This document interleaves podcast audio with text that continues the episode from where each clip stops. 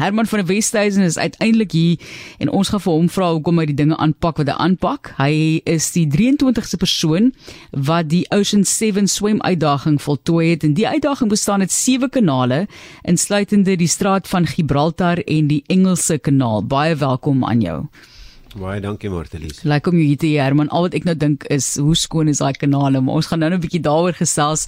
Hoekom hierdie tipe van uitdagings? Hoekom pak jy dit aan? In die begin was die ehm um, het ek gehoor van hierdie mal ouens wat Robben Eiland toe swem. En toe ek Robben Eiland toe geswem het, toe hoor ek van mense wat die English Channel swem, swem en toe ek dit geprobeer en toe ontmoet ek 'n 'n vrou, 'n baie inspirerende vrou in Israel met die naam van Kimberly Chambers en sy het vir my gesê, "Vertel van hierdie hele ding en wat met haar gebeur het." En toe toe sy vir my vertel kan ek maar sê wat het in haar lewe gebeur het en wat sy alles gesien het, het ek besluit miskien moet ek een van dit probeer. En ja. toe word dit 1, 2 en so aan en dit is nou 12 jaar later en nou het ek almal gedoen. Ook so dis nou die sewe kanale. Goed, wat jy nou klaar gemaak het. En kyk jy met jou hele lewe aanpas volgens so iets nê nee, om om tyd te maak om die geld te hê om te te toer en so aan. Hoe het jy dit aangepak? Was dit miskien die lering en spaar? Of dit ja. borge en so aangaan mense wat dan 'n bietjie ondersteun het. Nee, kyk ek het 'n besigheid so goed. en ek het 'n familie en ek moet vir hierdie goed oefen so dit is dis eintlik 'n amateur soos ek wat wat baie keer in, in as ek nou mooi terugdink oor die saak laat dit wat vir interessant is is dat dit moontlik is vir 'n amateur om eintlik op hierdie vlak van ehm um, ehm um, um, kan ek maar sê ekstreem ja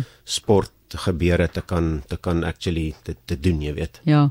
Ek en jy sit nou so 'n bietjie gesels en op 'n stadium het ek gedink aan om so 'n 5 km roete hier voor langs die kus te swem en toe het ek die mense gekontak jy weet wat nou daarvan weet en vir hulle gevra wat hulle dink en ek het uh, die NSRI nog gevra en vir, vir hulle gesê luister maar sal julle nou 'n bietjie nou net saam met my gaan as julle omgee? Dis nou vir 'n goeie doel. En so hulle sê vir my nee dit is 100% reg ons is daar maar ek weet nie so mooi of jy jy moet maar mooi kyk. Dit eh, jy dink altyd haie en Swan op die ou en sê sy net die koue is net iets verskriklik. So elke een van hierdie uitdagings en kanale het seker sy eie probleme wat jy moet aanpak. Wat was van die byvoorbeeld dan nou koue water uitdagings van die sewe kanale Ja, die sewe die sewe kanale, hulle noem uiteindelik die the world's most extreme open water swims en dit is ehm um, dit is sewe swemme wat geïdentifiseer is deur die World Open Water Association. Ehm um, die koudste een is die North Sea Channel. Dit is tussen Ierland en Skotland en die watertemperatuur wissel so tussen 10 en 12 grade. Hy voor waar jy wil swem is Sjoe. Op 'n baie koue dag is dit seker 11 grade, maar is 14 grade en ja. die groot ding is jy moet in die water ingaan en dan moet jy bereid wees om vir tussen 12 tussen 10 en 15 ure te kan oorleef in die water want dit is nie lekker nie. En jy mag ook nie as mens praat van die koue sover ek verstaan die reëls van oopwater swem is jy mag nie 'n duikpak aan nie, nê? Nee, of hoe werk dit? Dit is net 'n speedo ja. en en 'n en 'n en 'n um en 'n cap van 'n sekere dikte en dan jou goggles en en dis dit en ja. ook in die marathon swemme oor daai tipe van goeters mag jy glad nie kontak maak met 'n boot of niks nie. Ja, so daai het jy dit nou. Jy kan nie vir jouself warm maak met 'n tipe van 'n kleding en dan gaan swem nie. Neem ons deur hierdie ander kanale en van die uitdagings wat jy met hulle ervaar het. Ek weet dit is seker 'n lang lys. Ja, die Robben Eiland is altyd 'n interessante swem en hy sit sommer hier op ons voorstoep. Ehm um, die die een wat hulle noem die ehm um, kan ek maar sê in Engels die benchmark van open water swims is die Engelse kanaal. Maar as jy nou vergelyk met die ander swemme in die Ocean 7 Challenge, dit sou ek sê hy's omtrent so in die onderste derde as jy nou gaan kyk na moeilikheidsgrade. Dan is dit die straat van Gibraltar tussen uh, Marokko en Spanje. Hy's eintlik relatief maklik, is net 16 km. Die probleem daarso is daar's omtrent 300 skepe per dag wat daar verby jou gaan en die interessante ding daar's dit um, al die skepe gaan om jou so hulle weet jy's daarso en op 'n sekere tyd as jy op 'n sekere plek is hulle om jou gaan. Maar as jy nie op jou skedule hou nie dan sal hulle jou vra om uit te klim. Die um, die langste een is die is die Molokai kanaal in in um, in uh, Hawaii. Hy is 45 km soos die kraaivlieg en sy groot probleem is maar eintlik is 'n nagswem met baie haie en 'n groot swel. Ehm um, die wildste see waar ek nog in my lewe geswem het is in tussen ehm um, Japan en Hokkaido, en um, nou swem swem oor die oor South China Sea. Die probleem van daai see is dit is ehm um, dis dit daar's baie wind en dit is ehm um, jy weet nooit wat jy gaan kry nie. So ek het een keer het kon ek dit nie reg kry nie en toe na 13 ure toe kon ek net nie meer swem nie en ek het begin sink. So na die tyd het ek agtergekom ek was seker omtrent 10 minute van hartaanval af. O, oh, sjoe. Ehm um, Die tweede keer toe ek hom gekry het, was die see so erg dat die boot ek was altyd bang die boot val op my om en ehm um, die somme binne in die eerste 2 ure is al my al my light my my ligbakens is van my lyf afge, afgehaal deur die deur die uh, golwe. So en ek onthou na na 20 minute wou die kaptein my uithaal en nog na 2 ure en ek elke keer maar net vir hom gesê nog net nog net een keer nog net een keer nog net een keer.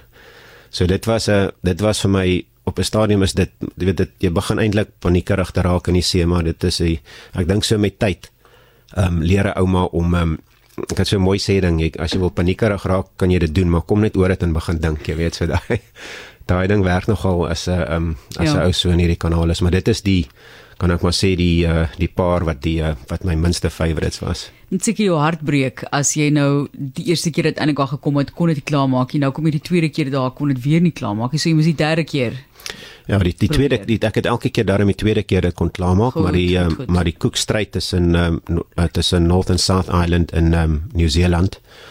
Ehm um, daar weer eens het dit alles het baie mooi gegaan tot die strome jou so hard begin trek aan jou so ek kan teen sê maar 4.5 km per uur swem. Maar ehm um, as die strome jou eers vat en dit word koud dan is dit amper 'n verlore stryd. So daar het ek ook die eerste keer na 11 ure net al verder van die land af begin gaan en um, en toe het hulle my man net uitgehaal en gesê dit is net nie moontlik vandag nie maar dit het weer is 'n klomp geld en 'n jaar se oefening wat dit vir my kos om elkeen van die goeters te gaan doen. En jy kan nie sê goed ons probeer weer môre nie. Nee. Na 11 ure se swem nie, moet 'n 'n ander nee. dag terugkom. Jy moet en die swemseisoen in hierdie groot swemme is baie kort. So is gewoonlik net 'n maand of 2 behalwe nou die makliker een soos Gibraltar.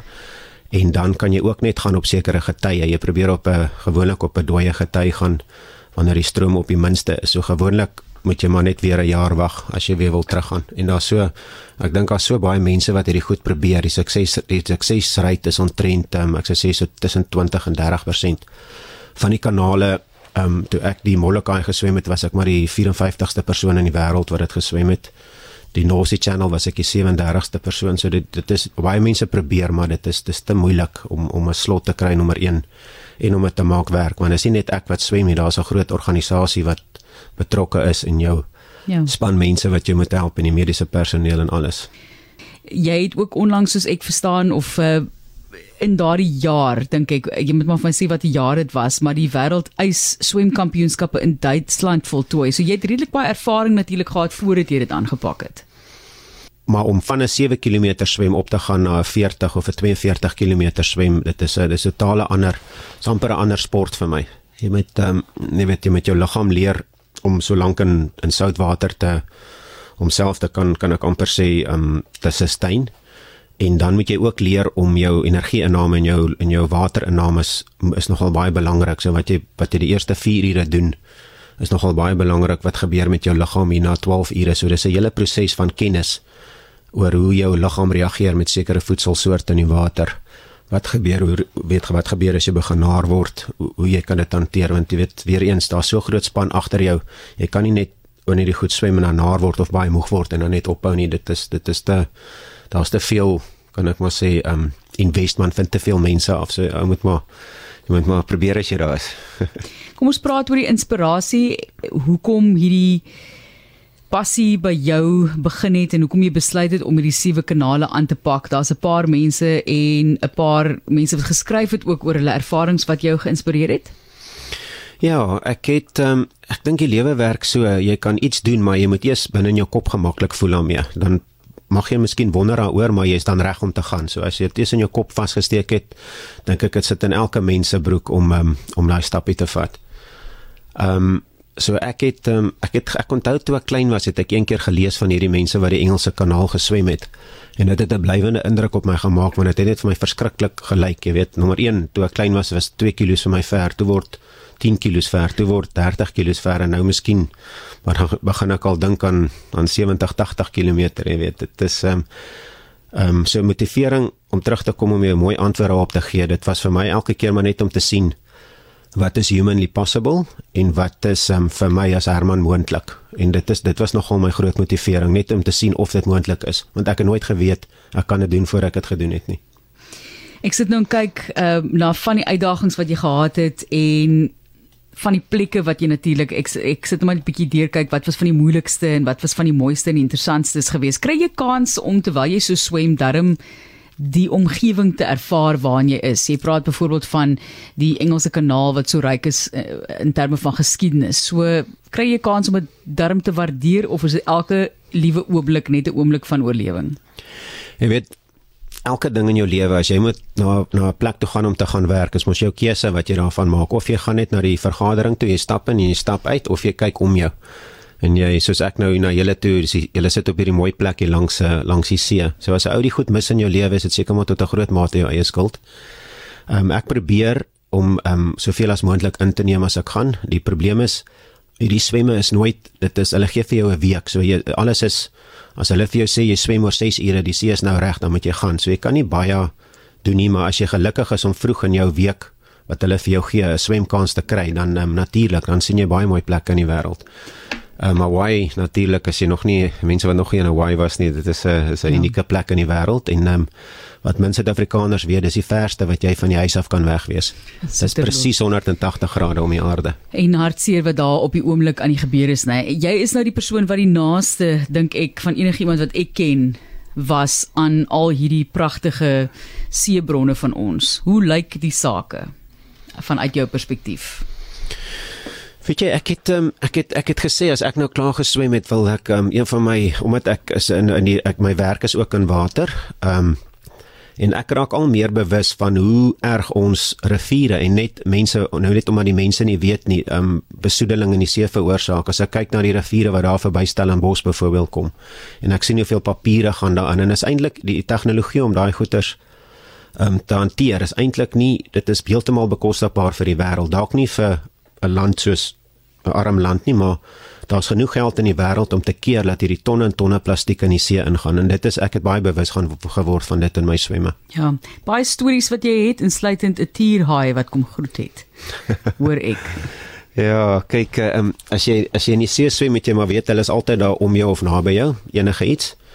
Ehm um, die tierhaai is dit in Hawaii en dit is die mees algemene haai in Hawaii en um, in die nag daai nag het daar twee keer goed teen my geskuur want ek in die middag O, 5 uur begin swem en die volgende oggend seker het teen 10 uur die oggend klaar gemaak en toe met die eerste lig in die oggend toe um, dog ek en ek is moeg jy weet dit is nou is die heel nag geswem die son weet die lig daar 'n bietjie jou um, lig jou daar 'n bietjie op as die son opkom en jy begin land sien.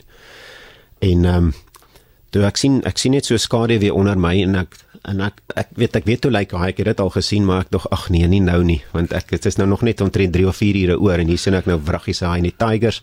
Die tierhaie is nogal hulle sal nader kom hulle is nuuskierige haie en ehm um, ek weet ek weet wat ek weet hoe haai gaan reageer as hy belangstel in jou maar hierdie haai het letterlik 5 meter onder my verby geswem hy het so 'n bietjie getalm en toe gaan hy maar net weer aan maar toe ek vir hom vir my uh, want daarso is 'n jy het 'n groot boot voor jou wat jou begelei wat die roete wat die seestrome um, na kyk en dan het jy twee kajakkers wat by jou sit op die water met uh, ons noem dit shark shields.